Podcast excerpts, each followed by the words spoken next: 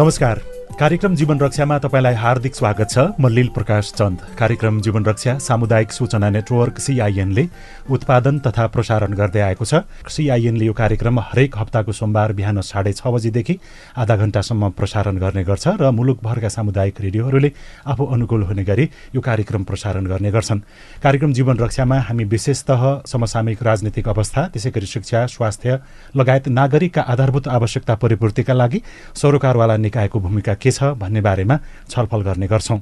आजको कार्यक्रम जीवन रक्षामा हामी मनलाई कसरी शान्ति तुल्याउने र मन कसरी शान्त बनाउने भन्ने बारेमा छलफल गर्दैछौँ। हामीसँग कुराकानीका लागि मनोविद विजया बिजुक्छे स्टुडियोमा हुनुहुन्छ। यहाँलाई हार्दिक स्वागत छ।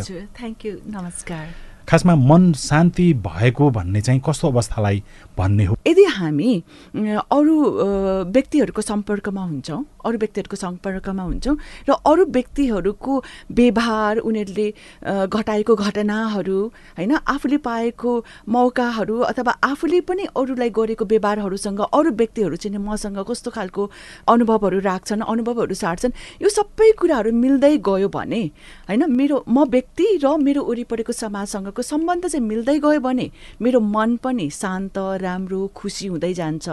तर होइन मैले गरेको चिजमा अगाडिको मान्छेलाई चित्त बुझ्दैन अगाडिको मान्छेले गरेको कुरा चाहिँ मलाई चित्त बुझ्दैन र म चाहिँ नि अगाडिकोलाई सुधार्न खोज्छु अगाडिकोलाई चाहिँ होइन तिमी सुध्रिन पर्छ भन्छ भनेदेखि अब यो द्वन्द्व चल्न थाल्यो भने चाहिँ मन अशान्त हुँदै जान्छ। यहाँनिर यो कुन मनको बिचमा द्वन्द्व चल्यो भने आफूलाई चाहिँ सुधार्न नचाहने तर अरूले गल्ती गर्यो अरूलाई देखाएर आफूलाई बढी जोगाउन खोज्ने स्थिति आउँछ त। मनको तिनवटा प्रकार हुन्छ भनेर त सिगमेन्ट फ्रेडले मात्रै भन्नुभएको हो नि त। उहाँले र उहाँको जुन थ्योरी उहाँले डेभलप गर्नुभयो त्यसलाई फलो गर्नेले मात्रै भन्छन् अरूले मान्दैन। तर पनि एकदमै अहिले चलिरहेको भनेको चाहिँ अवचेतन मनको अनकन्सियस माइन्ड भनेर भन्छौँ हामी। चेतन मन कन्सियस माइन्ड भनेर हामी भन्छौँ। र त्यो बिचमा चाहिँ अहिले सबकन्सियस भन्ने कुरा पनि आउँछ तर सिगमेन्ट फ्रेडले भन्दाखेरि चाहिँ प्रि कन्सियस भन्ने कुराहरू आउँछ। यो बिचकोलाई छोडेर हामीले चाहिँ चेतन र अवचेतन मनको मात्रै कुरा गर्ने हो भनेदेखि पनि के हुन्छ भन्दाखेरि हामीले अनुभवहरू नि बार बार बार बार नमिठो खालको अनुभवहरू सङ्घालिरहेको छौँ भनेदेखि हामीले चाहिँ एक किसिमको बिलिफ सिस्टम विश्वास हामीले भित्र धारणाहरू तयार गर्छौँ कि यो भनेको खराबै हो यस्तो भयो भनेदेखि मलाई कसैले पनि रुचाउँदैन। मैले सबै मान्छेलाई खुसी पार्नै पर्छ अथवा सबै मान्छे चाहिँ मैले भनेको मान्नै पर्छ। यस्तो खालको विश्वास चाहिँ हामीले आफ्नो मनभित्र नै जम्मा पारेर राख्छौँ। यसको सुरुवात भनेको चाहिँ जन्मने बित्तिकैदेखि जबसम्म हामी बाँचिराख्छौँ तबसम्म भइराख्ने हो कि? अथवा उमेर समूह अनुसार हो कि? लिङ्ग अनुसार पनि हुने हो कि? कसरी के के कुराले यसमा मन मन यसमा डिफ्रेन्ट थ्योरीहरू छ। हामी थ्योरीमा त जान्दैनौँ किनकि यो अलिकति ठुलो हुन जान्छ होइन? तर बच्चा जन्मेदेखि नै मन बन्ने मन शान्त अशान्त हुने मन कमजोर हुने मन बलियो हुने मन आत्तिने मन होइन सेटिस्फाइड हुने सन्तुष्ट हुने यो सबै कुरा चाहिँ नि जन्मेदेखि नै चल्छ। जन्मेदेखि चल्छ।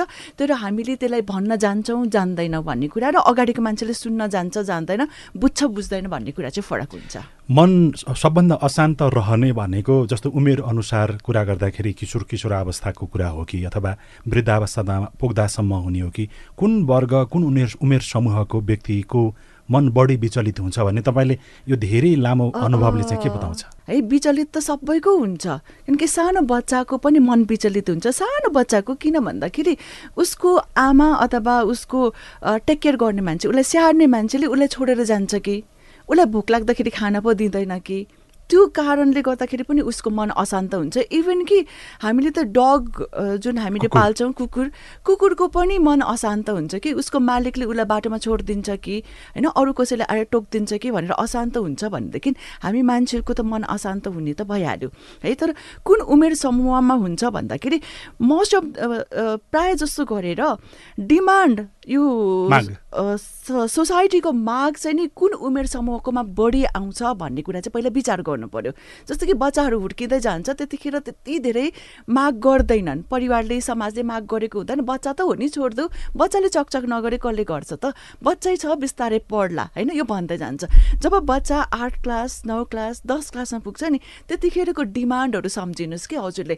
स्कुलबाट गर्ने डिमान्ड घर परिवारले गर्ने डिमान्ड वरिपरिको परिवारहरूले गर्ने छरछिमेकले गर्ने डिमान्ड त्यस पछाडिबाट यदि कसैले राम्रो नम्बर आएछ भनेदेखि त्यो नम्बरको आधारमा आफूलाई गर्ने डिमान्डहरू होइन त्यो पनि फरक हुँदै जान्छ। कुन उमेर समूहमा चाहिँ बढी समाजले डिमान्ड गर्छ त्यो अनुसार चाहिँ मन विचलित हुने चान्सेस चाहिँ एकदमै बढी हुन्छ। त्यो भनेको एउटा बच्चाहरूको एघार वर्षदेखि सोह्र सत्र वर्षको उमेरसम्ममा एकदमै धेरै यो मन विचलित हुन्छ किनकि डिमान्ड बढी हुन्छ। त्यो उमेरमा अपोजिट सेक्ससँग विपरीत लिङ्गीसँग त्यो भनेको अब सबैलाई लिउँ है। यता हाम्रो माइनरहरूदेखि लिएर होइन मेल फिमेल सबैलाई लिउँ।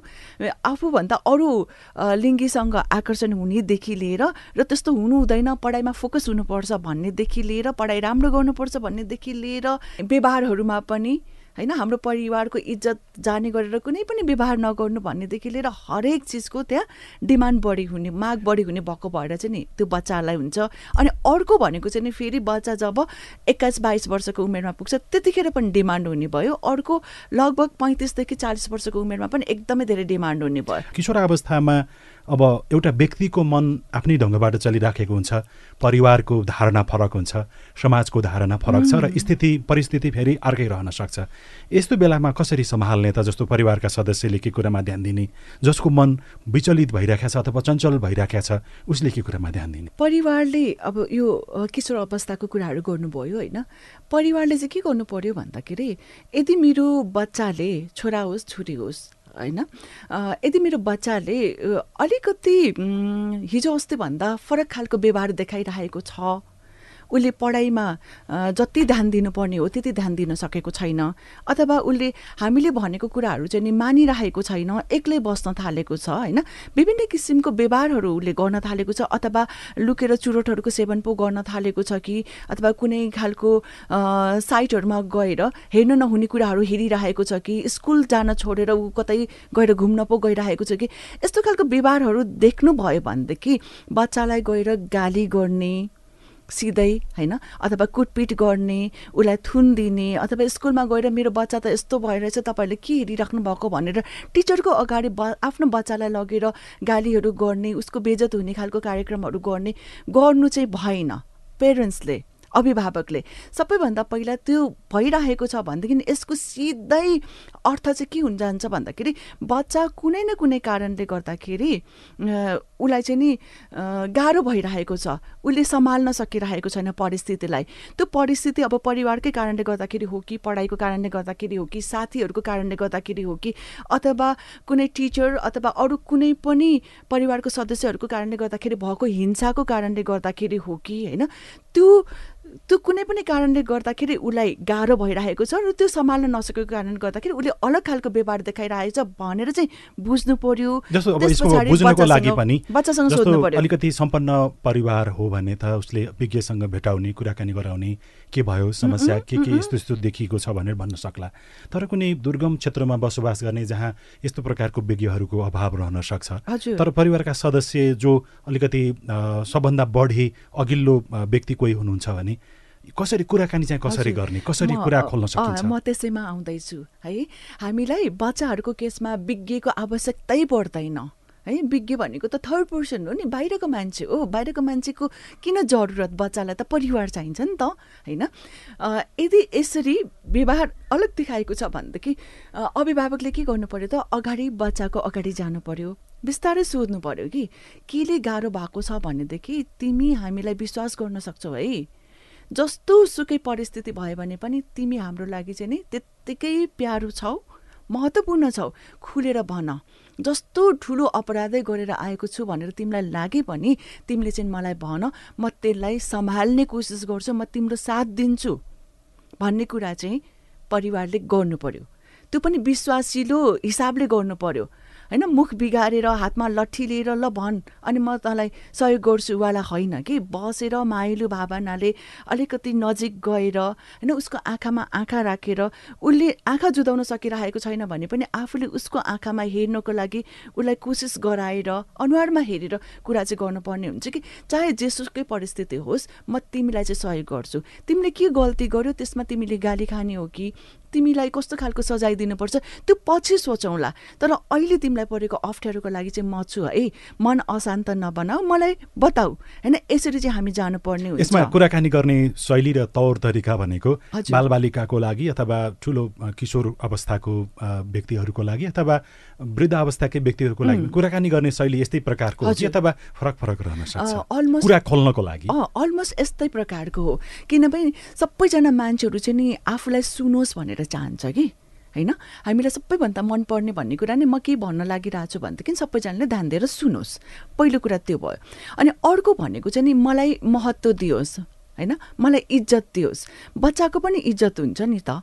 है चाहे जुनसुकै उमेर समूहको होस् सबैजनाको आफ्नो इज्जत हुन्छ भने पेरेन्ट्सले अभिभावकले पनि आफ्नो बच्चालाई तैँलाई तँलाई मैले पाएको त हो नि तँलाई मैले पालिरहेको छु हाम्रो कमाइमा त हुर्किरहेछ उहाँलाई त्यो भनेर व्यवहारले भएन।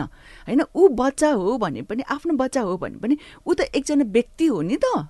होइन यो दुनियाँमा उसले धेरै थरीको कामहरू गर्नुपर्छ उसको आफ्नै इज्जत छ आफ्नै एउटा पहिचान छ होइन? अलग्गै पहिचान छ भने त्यसको लागि उसलाई यदि हामीले महत्त्व दिन्छौँ भनेदेखि जो कोहीले पनि आफ्नो कुराहरू चाहिँ खोल्नको लागि र सहज महसुस गराउनको लागि चाहिँ नि कोसिस गर्छ र त्यो हुन्छ पनि। अनि हामीले बच्चासँग काम गर्दाखेरि प्राय भनेको आँखा चाहिँ एउटै लेभलमा उसको लेभलमा गएर सुकै मेरो अभिभावकको आँखाको लेभल र बच्चाको लेभल चाहिँ एउटै हुनु पर्यो। यस्तो गरेर यस्तो तल हेरेर चाहिँ कुरा गर्न मिल्दैन। त्यो भयो भने बच्चा आत्तिन्छ। हामीले ध्यान दिनुपर्ने कुरा चाहिँ नि नजिक जानु पर्यो अलिकति उतिर झुक्नु पर्यो आवाज अलिकति मधुरो हुनु पर्यो माया त्यहाँ झल्किनु पर्यो र अर्को भनेको चाहिँ नि आँखामा आँखा जुधाएर कुरा गर्नु पर्यो। आँखामा चाहिँ नि उसले एउटा विश्वास चाहिँ देख्नु पर्यो। धेरै व्यक्तिको मनको उपचार गर्ने अथवा। उनीहरूलाई मन शान्ति बनाउनको लागि काम गरिराख्नु भएको छ। पछिल्लो ट्रेन पछिल्लो अवस्था के छ अहिले? हरेक किसिमको समस्याहरू लिएर आउनुहुन्छ। हरेक हरेक किसिमकै समस्याहरू छ। प्रायः जसो हेरिरहेको केसहरू भनेको चाहिँ नि हिंसाको केसहरू चाहिँ मैले हेरिरहेको छु। त्यसमा पनि यौन हिंसाको एकदमै धेरै केसहरू हेरिरहेको छु।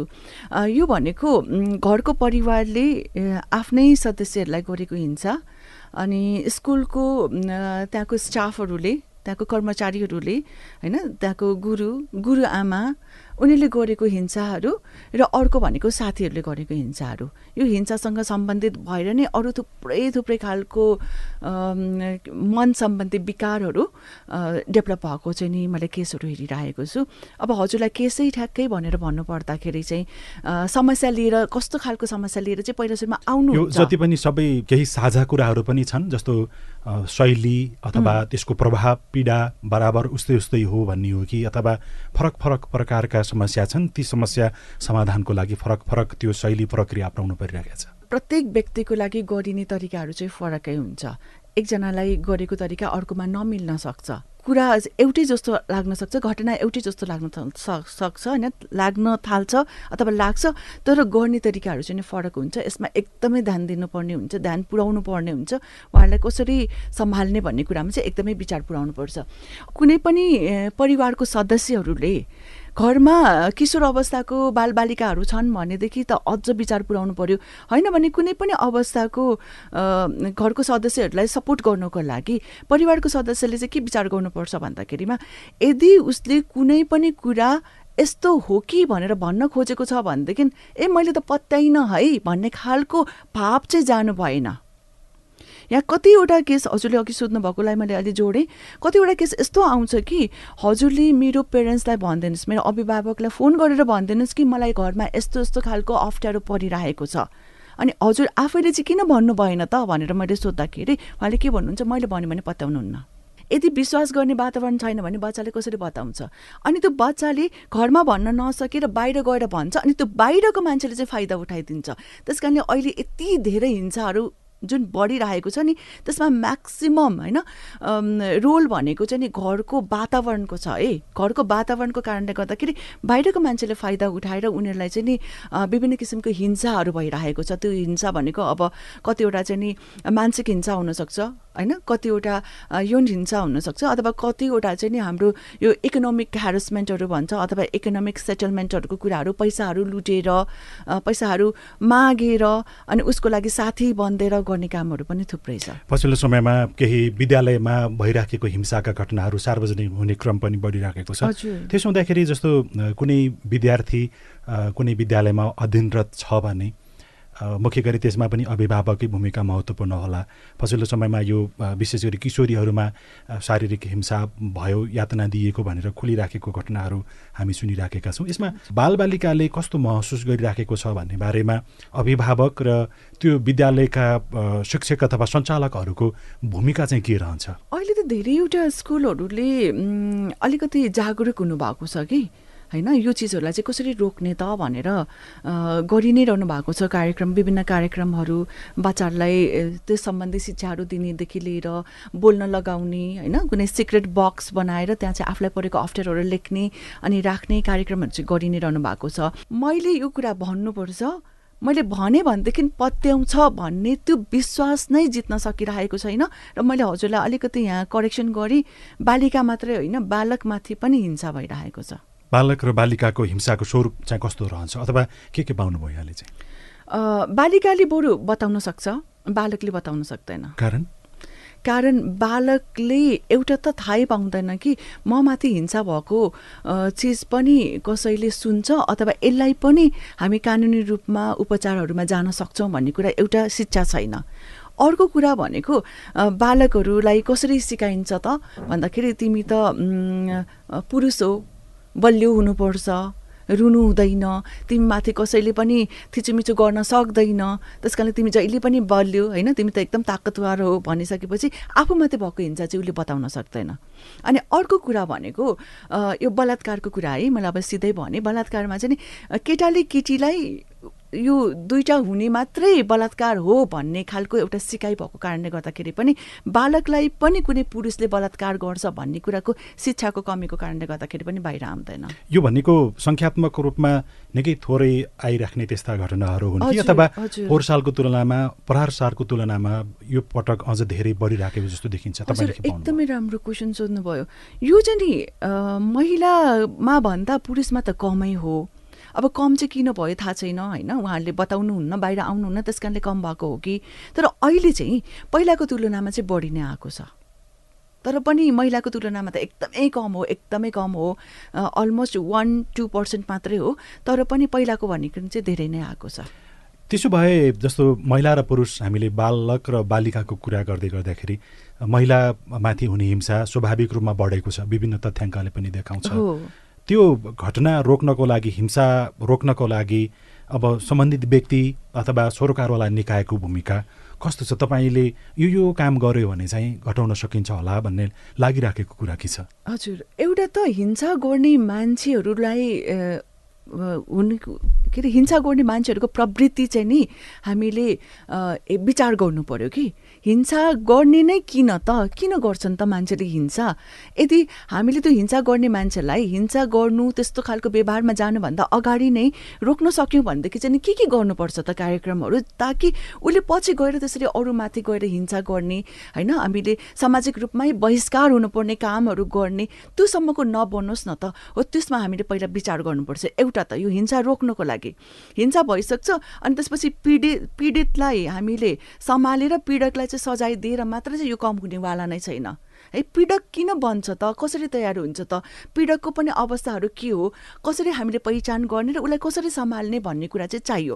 यदि पीडकले त्यसरी हिंसा गरिसकेको छ भने पनि फेरि फेरि उसले त्यही चिजहरू नदोहोऱ्याउनको लागि चाहिँ हामीले कसरी सहयोग गर्नु पर्छौँ त? त्यसमा पनि विचार गर्नु पर्यो उसले गरेको हिंसा त एकदम जघन्य हो। त्यसमा त हामीले सजाय दिनै नै पर्छ उसलाई छोड्ने होइन। तर त्यो सजाय दिँदै गर्दाखेरि पनि कुनै दिन कुनै दिन त उसको सजाय सकिन्छ नि त। ऊ त बाहिर निस्किन्छ नि। ए मैले यस्तो भएको भएर यसरी सजाय पाएँ ल पख अब म भनेर त्यो भावनाले चाहिँ बाहिर ननिस्कोस् न त। होइन उसले आफूलाई पनि सम्हालोस् र उसले आफू जस्तो अरू मान्छेलाई पनि सम्हाल्नको लागि उसले पनि भूमिकाहरू खेलोस्। होइन यसरी हामी यो मानसिक स्वास्थ्यमा मनको स्वास्थ्यमा काम गर्न सक्यो भनेदेखि चाहिँ यो कम हुँदै जान सक्छ। के पाउनुभयो? के के कुरा भयो भने एउटा व्यक्ति कमजोर हुँदो रहेछ अथवा पीडा सहन बाध्य हुँदो रहेछ? हजुर अब यसलाई चाहिँ हामीले सानैदेखिको हेर्नुपर्छ कि कस्तो वातावरणमा हुर्किन्छ र उसले के चाहिँ सिकाइहरू सिक्दै जान्छ। र आफूभित्र चाहिँ के किसिमको एउटा धारणा होइन? आफ्नो एउटा मनोवृत्ति भनेर भन्छौँ नि त्यो चाहिँ नि तयार गर्दै जान्छ त भन्नेले चाहिँ महत्त्वपूर्ण भूमिका राख्छ। किनकि कोही पनि मान्छे सम्बन्धित हो होइन? यो मेरो छोरी हो यो मेरो दाई हो यो मेरो बहिनी हो यो मेरो बुवा हो भनेर भन्नु भनेको त त्यो त एउटा सामाजिक संरचनाभित्र बसेर हामीलाई सिकाइएको र हामीले मानेको कुरा हो नि त। यो तिम्रो बुवा हो भन्दाखेरि त्यसको प्रुफ के हो त? हामी सबैजनालाई डिएनए टेस्ट गरेर ए मेरो बुवा रहेछ आमा रहेछ दाई रहेछ भाइ रहेछ हामी गर्दैनौँ नि त। त्यो एउटा परिवारले हामीलाई त्यसरी एउटा हुर्काउँछ अनि त्यसलाई हामीले मान्यता दिने हो र मान्ने हो नि सम्मान गर्ने हो नि त। होइन? हामीले त सम्बन्धको सम्मान गर्ने हो नि। हो यदि कोही पनि मान्छेले आफ्नो सम्बन्धको सम्मान नै गर्न सक्दैन भनेदेखि अवश्य पनि उसको मनमा त कुनै न कुनै दुःखहरू त छ। कुनै अवस्थाबाट त ऊ गुज्रेको छ। अब कस्तो अवस्थाबाट गुज्रेको व्यक्तिहरूले चाहिँ यो सम्मानहरू गुमाउन सक्छ भन्दाखेरि यदि उसको बचपन होइन बाल्यकालहरू चाहिँ नि प्राय जसो यो हिंसाहरूमा र यस्तै खालको उसले जे पनि कार्यक्रमहरू यो अपराधहरू गर्न थालेको छ त्यस्तै खालको अपराधिक माहौलमा ऊ हुर्किरहेको छ भनेदेखि उसले यो गर्नु भनेको चाहिँ ठिक हो। यस्तै त हो नि दुनियाँ। यसरी नै चल्ने रहेछ भन्ने कुराहरू सिकिरहेको हुनसक्छ। अथवा उसमाथि सानो बेलादेखि नै एकदमै धेरै दबाबहरू भएको होइन मनमा पीडाहरू हुने खालको त्यस्तो घटनाहरू घटेको भएदेखि चाहिँ नि उसले त्यो पीडाहरू कसमाथि पोख्ने त भन्दाखेरि आफूभन्दा कमजोर कोही छ भनेदेखि त्यो कमजोरलाई समात्ने र त्यो पोख्ने हो त्यो तरिकाहरूबाट पनि गरिरहेको चाहिँ हुन्छ। त्यस कारणले हामीले पीडकको पनि हेर्नुपर्ने हुन्छ कि कस्तो कस्तो घटनाक्रमबाट चाहिँ उसलाई तयार गरेको छ भनेर हेर्नुपर्ने हुन्छ। वैदेशिक रोजगारीका कारणले रेमिट्यान्स भित्रिराखेको छ। हजुर। तर एउटा श्रीमान अथवा श्रीमती वैदेशिक रोजगारीको क्रममा विदेशमा जाँदा र नेपालमा रहँदा दुई पक्षको बीचको अविश्वासको अवस्था बढ्दै गइराखेको भनेर विभिन्न तथ्याङ्कहरूले पनि देखाउँछ। तपाईँको अनुभव के छ यसमा?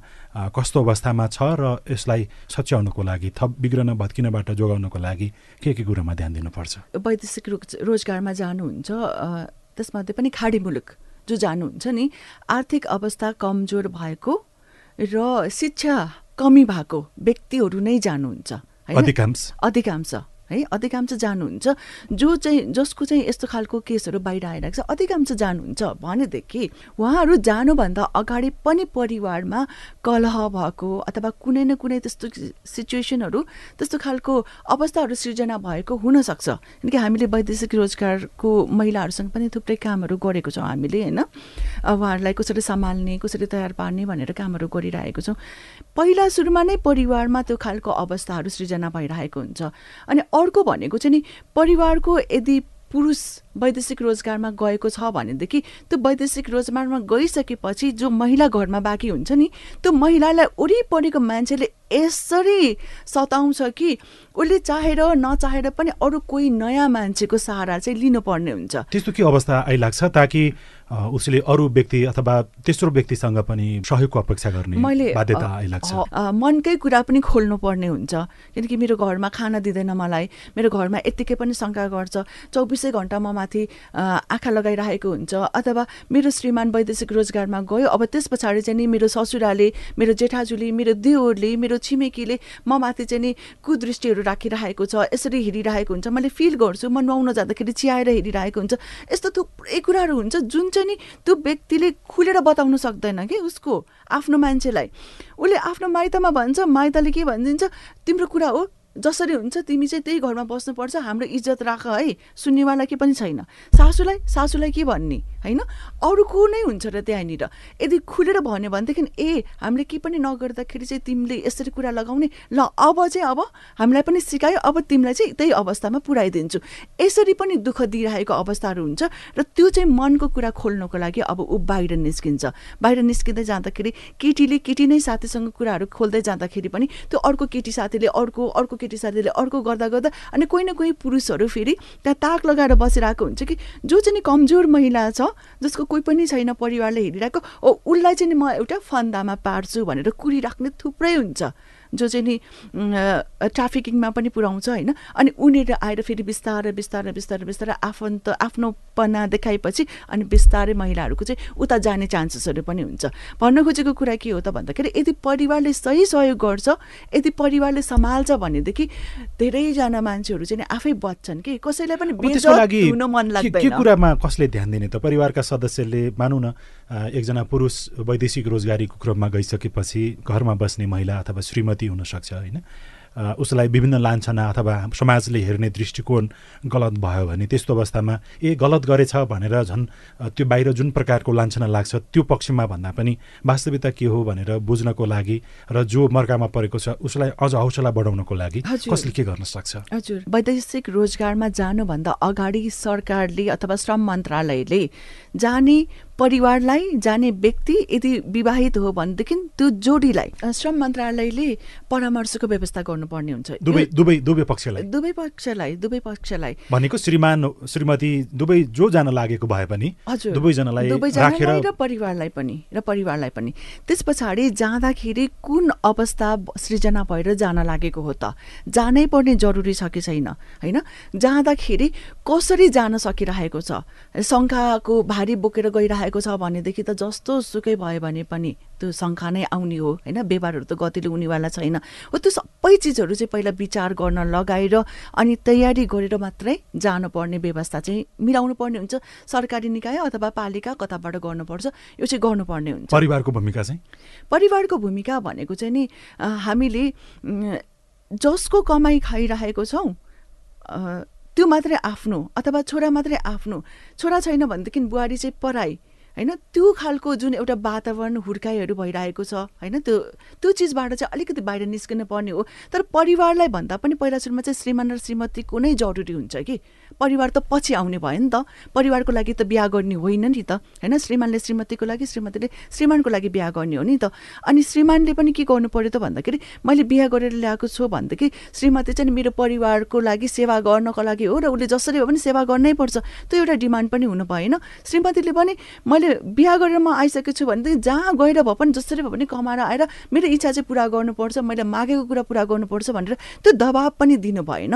हो यसको लागि पहिला सुरुमा चाहिँ सरसल्लाह हुनु पर्यो र सही परामर्श चाहिँ हुनुपर्छ वैदेशिक रोजगारमा जानुभन्दा अगाडि। अनि अर्को हामीले देखिरहेको समस्या के हो भन्दाखेरि प्राय बाल विवाह गरेको केसहरू चाहिँ नि बाहिर गइरहेको छ। महिला वैदेशिक रोजगारीको लागि? हजुर हजुर। यो खाडी मुलुकमा त्यो महिला होस् अथवा पुरुष होस् महिलाहरू पनि त जानु भएको छ नि त। बाल विवाह गरेर आउनु भएको छ त्यसपछि घरमा बस्नलाई गाह्रो भयो। होइन गाह्रो भयो सम्हाल्न सकिएन अनि त्यस पछाडि अब के गर्ने त भन्दाखेरि वैदेशिक रोजगारमा गयो भने चाहिँ सजिलो हुन्छ। पैसा ल्याएर मैले फाल्न पाएँ भनेदेखि त मेरो इज्जत हुन्छ कि? भन्ने त्यो हिसाबले पनि जाने गर्नुहुन्छ। अनि घरमा जस्तो कि यो डोमेस्टिक हेल्पको लागि होइन घरमा जुन मेड भन्छ नि त्यो त इलिगल हो भनेर भनेको थियो। अब अहिले चाहिँ कस्तो छ मलाई थाहा भएन। पहिला त इलिगल थियो घरमा मेड बन्नको लागि। अनि उनीहरू चाहिँ लुकेर इन्डिया भएर कता कता भएर अनि इराक कतार होइन यसरी थुप्रै दुबई थुप्रै देशहरू चाहिँ उहाँहरू इलिगल्ली पस्ने भयो। त्यो इलिगल्ली गइसकेपछि त गभर्मेन्टसँग रेकर्ड पनि हुने भएन कि कतिजना चाहिँ वैदेशिक रोज रोजगारमा गएको छ भनेर।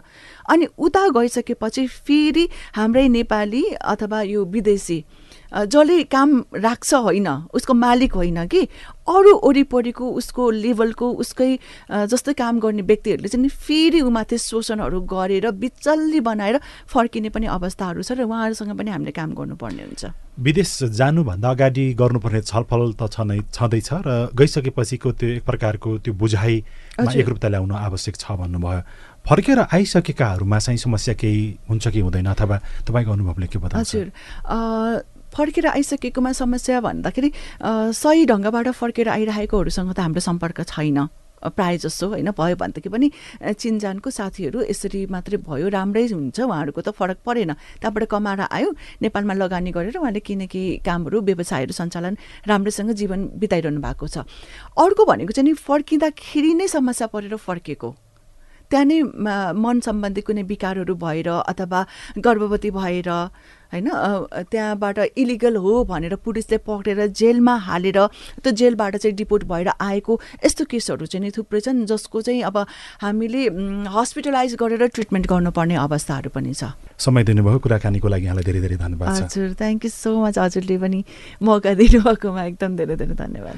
आजको कार्यक्रम जीवन रक्षामा हामीले मनोविद विजया बेजुक्सेसँग कुराकानी गऱ्यौँ विशेष गरी मनमा आउने विचलन र यो समस्या समाधानको लागि अप्नाउन सकिने विभिन्न प्रक्रिया बारेमा पनि कार्यक्रम जीवन रक्षामा आज छलफल गऱ्यौँ हामी कार्यक्रम जीवन रक्षाको अर्को अङ्कमा अर्को विषयको छलफल लिएर उपस्थित हुनेछौँ। तबसम्मको लागि प्रविधिमा साथ दिने सुभाष पन्तलाई धेरै धन्यवाद दिँदै लील प्रकाश चन्दलाई पनि बिदा दिनुहोस्। नमस्कार।